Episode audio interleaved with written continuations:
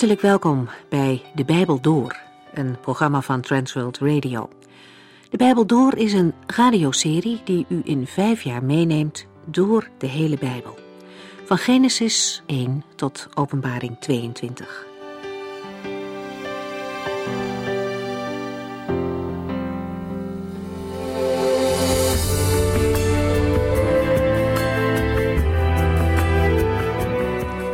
Nieuwe Testament begint in Matthäus 1 met een hele rij met namen. En niemand vindt dat eigenlijk interessant. Wat moet je daar nou mee? Kun je dat zomaar overslaan? Nee, dat kan natuurlijk ook niet, als we bedenken dat God het belangrijk genoeg vond om deze stamboom in de Bijbel op te nemen. De vorige keer zagen we dat dominee McGee, de schrijver van deze serie, er toch boeiende dingen uit wist te halen. Voor het volk Israël waren de geslachtsregisters erg belangrijk. Ze werden wellicht ook in de tempel bewaard. En in deze registers stonden de afkomst en de familielijn beschreven. En op grond daarvan kon worden vastgesteld of iemand wel uit de juiste familielijn kwam. De Joodse leiders zullen de afkomst van de Heer Jezus zeker gecontroleerd hebben. Het is een van de weinige onderwerpen waarover ze niet met hem in discussie gingen. De Heer Jezus is in de lijn van Abraham en David geboren. Het Matthäus-evangelie laat de Heer Jezus speciaal zien in zijn hoedanigheid als koning. En daarom wordt ook met nadruk de naam van koning David hier genoemd. Er zijn immers veel profetieën die beloven dat een verre zoon van David voor altijd op de troon zal zitten. Wat dan verder opvalt is dat er vier vrouwen genoemd worden in deze stamboom. In Hebreeuwse familielijsten is dat hoogst ongebruikelijk. Daar worden vrouwen niet genoemd. Maar God geeft hen een speciale plaats in de Bijbel. En daar komt nog bij dat niet één van deze vier vrouwen van Joodse afkomst was. Ze kwamen uit vijandige volken en ze hadden ook niet allemaal een smetteloos verleden. Rahab was prostituee geweest. Tamar werd zwanger van haar schoonvader. En Bathseba pleegde overspel met koning David. Zij wordt in Matthäus dan ook de vrouw van Uria genoemd. Dat was haar eigen man. Rut, dat was een geweldige vrouw, maar wel van Moabitische afkomst. Haar bijnaam, de Moabitische, was eigenlijk een scheldnaam in Israël. Men ging niet om met Moabieten. En juist door deze vrouwen heen wordt Gods bedoeling zichtbaar. Hij wil zondige mensen bevrijden, verlossen. Hij stuurt zijn zoon, zodat er vergeving kan zijn voor mensen die het fout gedaan hebben. En ja, wie hoort daar niet bij? Zo zien we al in deze eerste verse van Matthäus, de, door de stamboom heen van de Heer Jezus, de rode draad lopen van verlossing.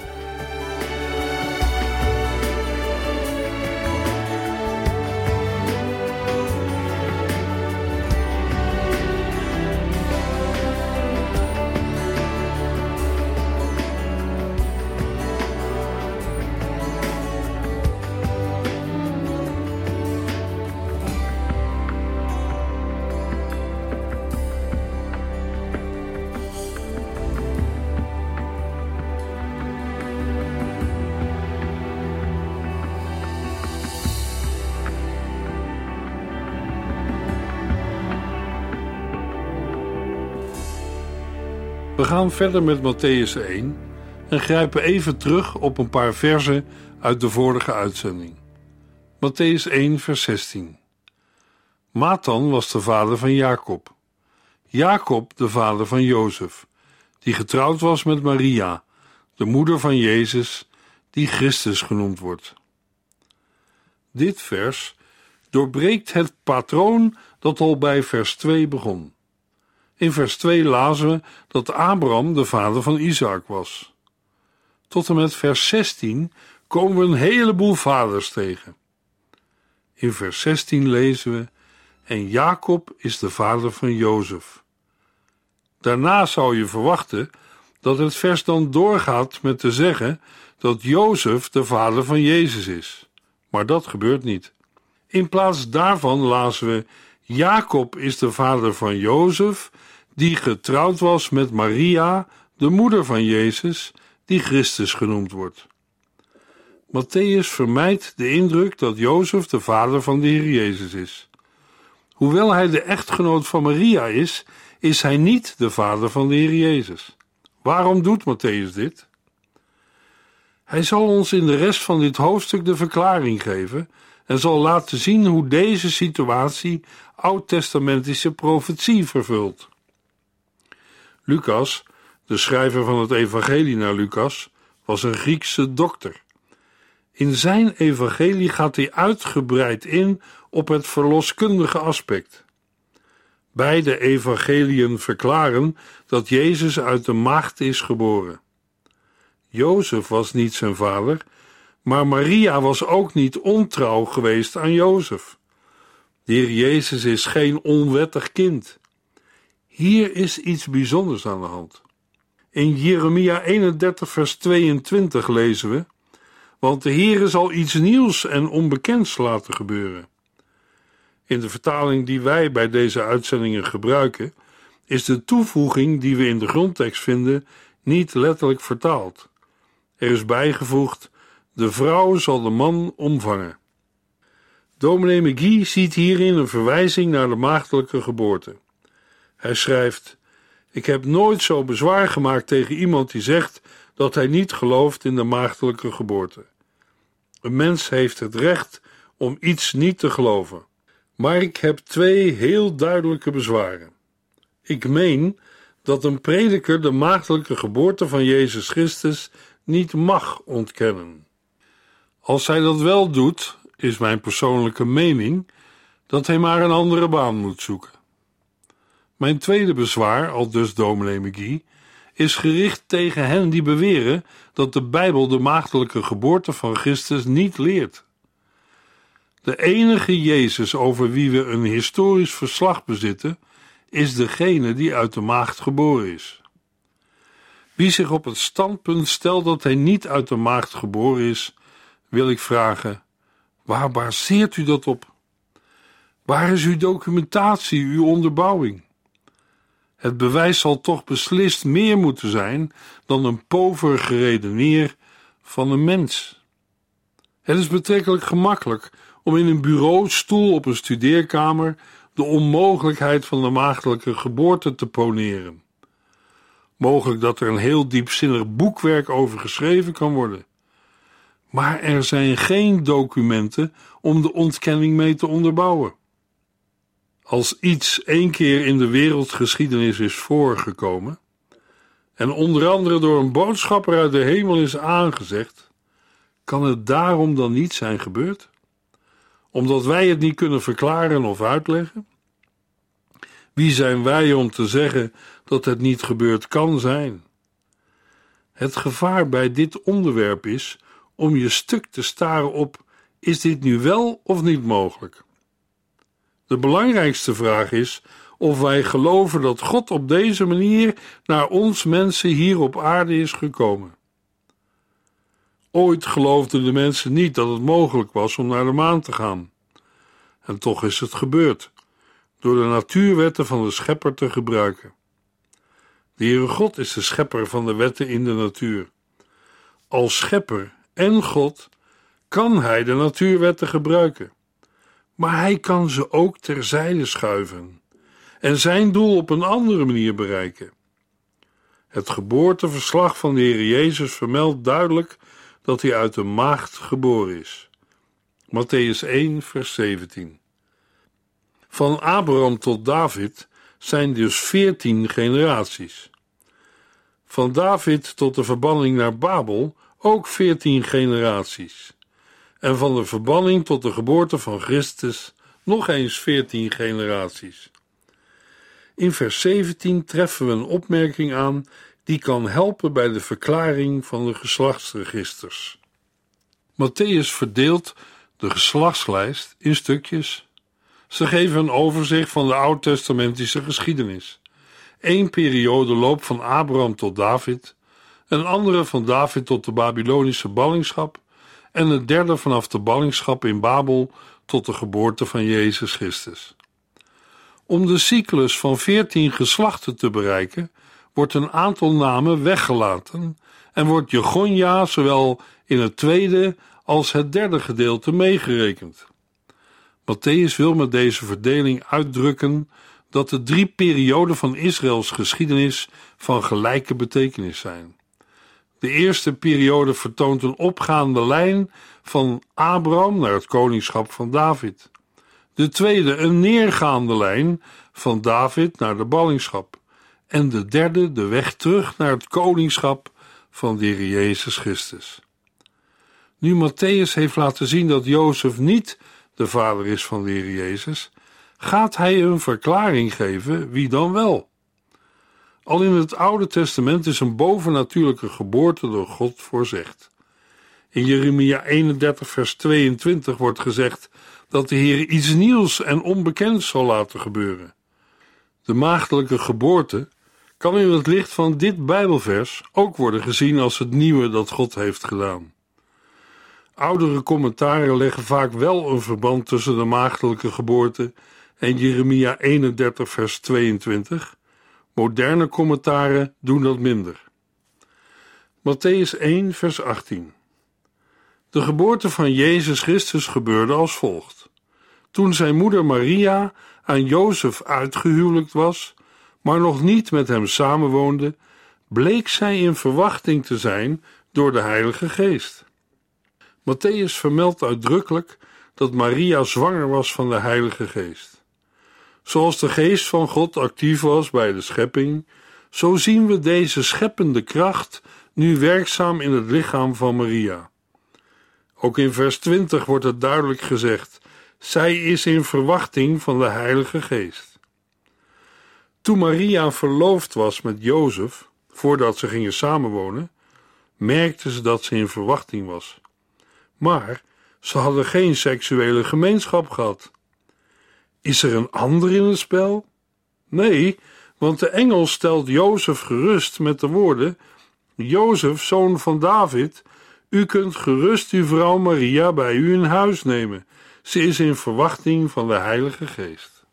Maria wist dat ze zwanger zou worden van de Heilige Geest.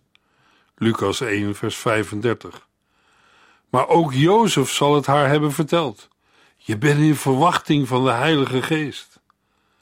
Daarvoor zag het er dramatisch uit voor Maria. Matthäus 1, vers 19. Omdat Jozef een rechtschapen mens was en haar schande wilde besparen, besloot hij om in stilte van haar te scheiden. De wet van Mozes was op dit punt heel duidelijk. Een vrouw die schuldig was aan ontrouw moest door steniging ter dood worden gebracht. Maar Jozef was een rechtschapen mens. We schenken vaak heel wat aandacht aan Maria, en terecht. Protestanten zouden zich niet moeten laten afschrikken om Maria heel wat krediet te geven. Ze was een begenadigd persoon. Ze was door de Heere uitgekozen om moeder van onze Heere en Heiland te worden. God maakt geen vergissingen. De Heere heeft de juiste vrouw gekozen. Daarnaast moeten we ons ook realiseren dat de Heer ook Jozef heeft uitgekozen. Ook daarin heeft de Heer zich niet vergist. Naar de wet van Mozes had hij haar onmiddellijk kunnen laten stenigen, of zou haar publiekelijk ten voorbeeld hebben gesteld. Maar Jozef was niet zo. Hij was een vriendelijk en zachtmoedig mens. Beter gezegd, Jozef hield van Maria. Hij wilde haar op geen enkele manier pijn of kwaad doen. Ondanks het feit dat hij in het begin meende dat Maria hem ontrouw was geweest. Matthäus 1, vers 20 tot en met 22.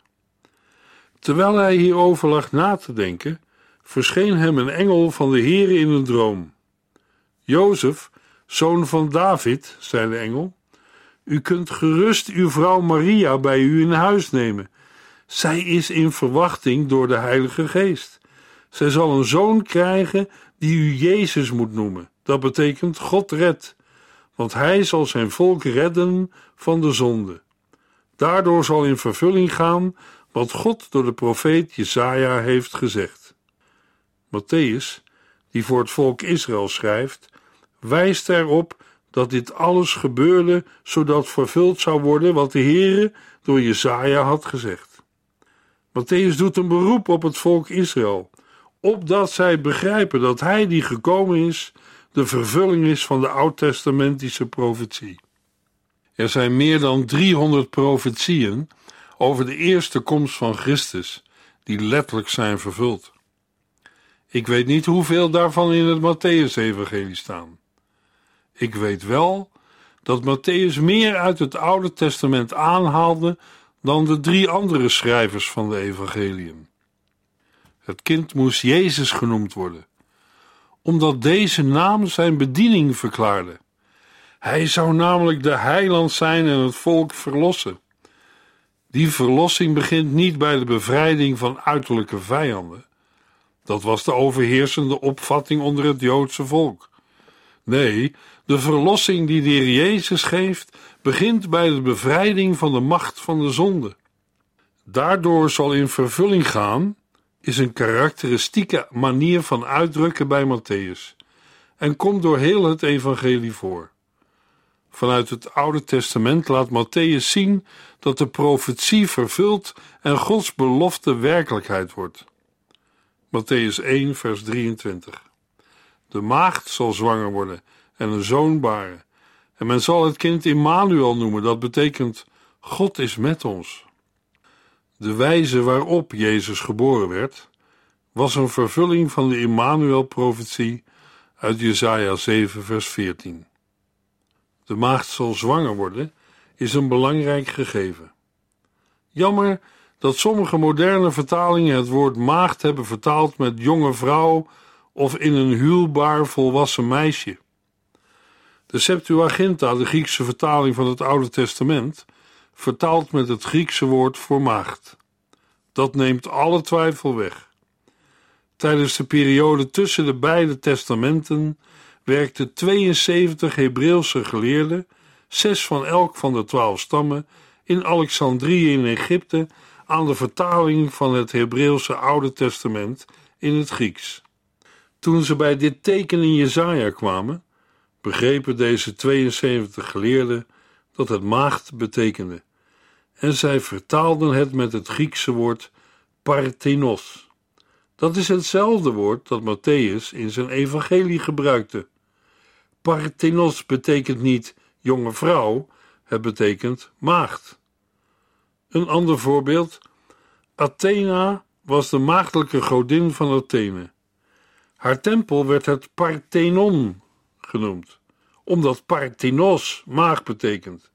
Het is duidelijk dat het woord van God precies zegt wat het bedoelt. De heilande wereld werd geboren uit de maagd. Immanuel betekent God met ons. In de Heer Jezus Christus is God onder ons.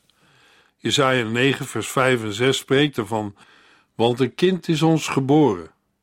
Een zoon werd ons gegeven en de heerschappij zal op zijn schouders rusten. Dit zullen zijn koninklijke titels zijn: wonderbare raadgever, machtige God, eeuwige Vader, vredevorst. Aan zijn vredevolle bewind zal nooit een einde komen. Vanaf de troon van zijn vader David zal hij rechtvaardig regeren. Hij zal alle volken van de wereld rechtvaardigheid en vrede brengen. En dit alles zal gebeuren, omdat de brandende liefde van de Heere van de hemelse legers zich heeft voorgenomen dit te doen. De geboorte van dit kind is een teken voor, maar tegelijk ook een aanklacht tegen het huis van David. In Jesaja 7 vers 13 en 14 roept Jesaja, O huis van David, u vindt het niet genoeg het geduld van de mensen op de proef te stellen. U stelt het geduld van de Heere ook nog op de proef. Goed dan, de Heere zal zelf een teken vaststellen. Een maagd zal een kind krijgen en zij zal het kind Immanuel noemen. Dit betekent God met ons.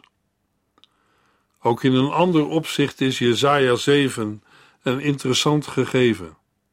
Vooral voor hen die moeite hebben met de maagdelijke geboorte. Het woord maagd in vers 14 wordt door tegenstanders van de maagdelijke geboorte ook wel vertaald met jonge vrouw. Maar als we de context bestuderen en teruggaan naar de gebeurtenis die er wordt vermeld, kan dat niet. In Jesaja 7 zit koning Agas op de troon. Hij was een van de koningen die ver van God leefde. Ik zet hem op de lijst van slechte koningen. De Heere zond Jezaja om hem een boodschap te brengen, maar hij wilde niet luisteren. Dan lezen we in vers 10 tot en met 12 van Jezaja 7. Verder liet de Heere koning Agas de volgende boodschap overbrengen. Vraag om een wonderteken van de Heere uw God. Vraag wat u maar wilt, diep beneden in de onderwereld of hoog in de hemel. Maar de koning weigerde. Nee, zei hij, ik wil de Heere niet op de proef stellen. Je zou denken dat Agas hier als een diepgelovig man spreekt, maar dat is maar schijn. De Heer had Jezaja gevraagd om Agas onderweg te ontmoeten. Jezaja moest tegen hem zeggen dat de Heer God Agas de overwinning zou geven, maar Agas wilde God niet geloven. Dan vertelt Jezaja hem dat de Heer hem wil bemoedigen met een teken. Maar op een super vrome manier zegt Agas: Nee, ik wil de Heer niet op de proef stellen. Met andere woorden, ik zou de Heer niet om een wonderteken willen vragen. Dan moet Jezaja hem antwoorden: God zal je een teken geven, of je dat nu leuk vindt of niet. Het teken is niet alleen voor jou, maar voor het hele huis van David. Hier is het teken: een maagd zal een kind krijgen en ze zal het kind Immanuel noemen. Jesaja 7, vers 14. Het mag duidelijk zijn dat als dit verwijst naar een jonge vrouw, het helemaal geen teken voor Agas zou zijn, nog voor het huis van David, nog voor wie dan ook. Het is immers helemaal geen wonderteken als een jonge vrouw zwanger wordt, maar als een maagd zwanger wordt en een zoon baart. Dat is nog eens een teken. En dat is nu precies wat hier wordt bedoeld. Ook het Hebreeuwse woord dat hier wordt gebruikt voor maagd betekent maagd. Rebecca werd een maagd genoemd voordat ze Isaac trouwde. Een maagd zal een kind krijgen en zij zal het kind Immanuel noemen. Let eens op zijn naam. En zij zal het kind Immanuel noemen. Dit betekent God is met ons. Het lijkt erop alsof we hier een probleem hebben. Kunt u vertellen waar de Heer Jezus ooit Immanuel werd genoemd? Hij wordt Jezus genoemd, omdat dat zijn naam is. Hem werd de naam Immanuel gegeven, omdat hij zijn volk zal redden van hun zonde. Christus, gezalfde, is zijn titel. Jezus is zijn naam. Maar hier staat dat hij Immanuel genoemd zal worden, wat betekent God met ons. Hier hebben we een van de meest fantastische zaken uit het hele woord van God. Laten we er eens naar kijken. Immanuel betekent God met ons. Jezus kan geen Immanuel zijn, God met ons, tenzij hij uit de maagd is geboren. Dat is de enige manier. En let nu op, als de Heer Jezus geen Immanuel is, kan hij ook geen redder zijn. Het een is met het ander verbonden. De reden waarom ze hem, Jezus, dat is redder noemen, is omdat hij God is en tegelijk is hij met ons. Deze waarheid over hem, die naar de aarde kwam, is een van de prachtigste dingen in de Bijbel. In Hebreeën 2, vers 9 lezen we: Maar we zien Jezus wel. Hij heeft gedurende een tijd lager dan de engelen gestaan, omdat hij sterven moest. Maar is nu door God met heerlijkheid en eer gekroond, omdat hij door Gods genade voor ons de dood is ingegaan. Hij moest een offer zijn dat aanvaardbaar was. Ik zou niet voor de zonde van de wereld kunnen sterven om die te verzoenen. Dat kan ik zelfs niet voor mijn eigen zonde, maar hij kan het wel. Hoe kan Jezus een redder zijn? Omdat hij Immanuel is, God met ons.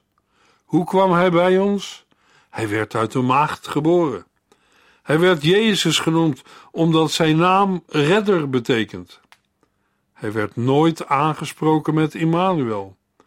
Maar je kunt hem niet Jezus noemen tenzij hij Immanuel is, God met ons.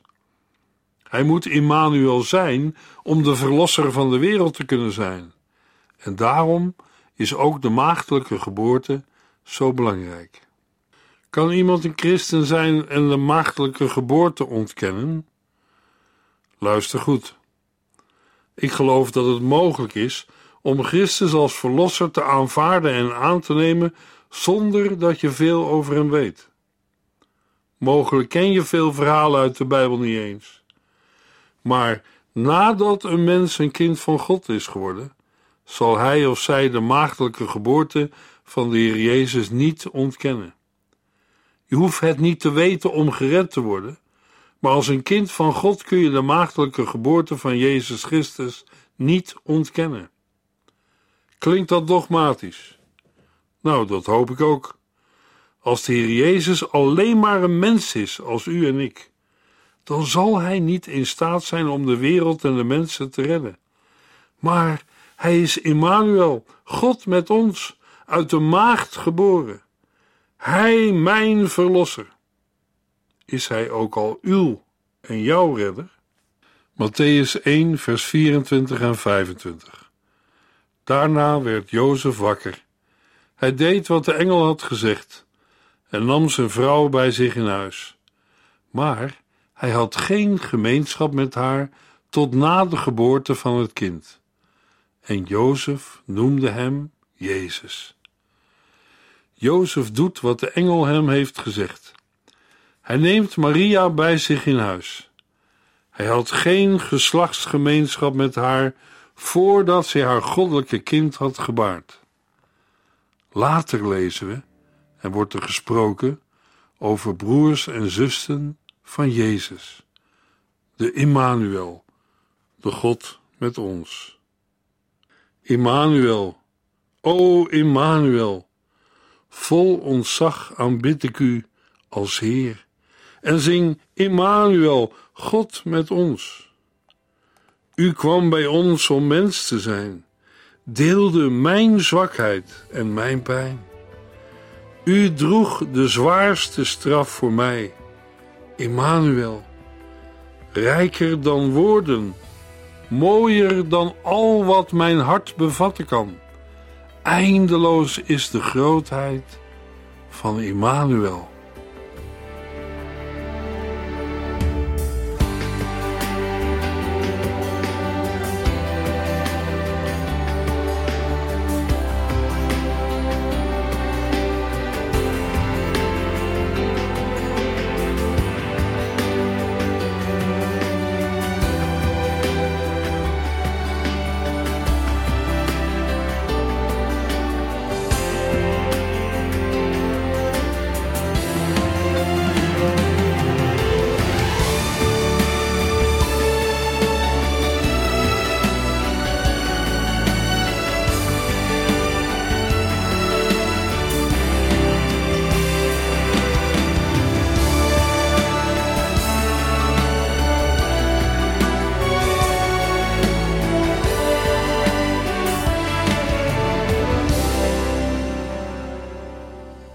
Geluisterd naar De Bijbel Door. In het Nederlands vertaald en bewerkt door Transworld Radio. Een programma waarin we in vijf jaar tijd de hele Bijbel doorgaan. Als u wilt reageren op deze uitzending of u heeft vragen, dan kunt u contact met ons opnemen. Tijdens kantooruren kunt u bellen op 0342 47 8432. 0342 47 8432. 32. Ook kunt u een e-mail sturen naar de Bijbel door transworldradio.nl en natuurlijk kunt u ook via de post ons bereiken. TWR, postbus 371, postcode 3770, AJ in Barneveld. Dit programma werd gepresenteerd door Cor Weda en Ike André. Techniek was in handen van Odin van Woerdekom. En wij allemaal bedanken u voor het luisteren. Graag tot de volgende keer.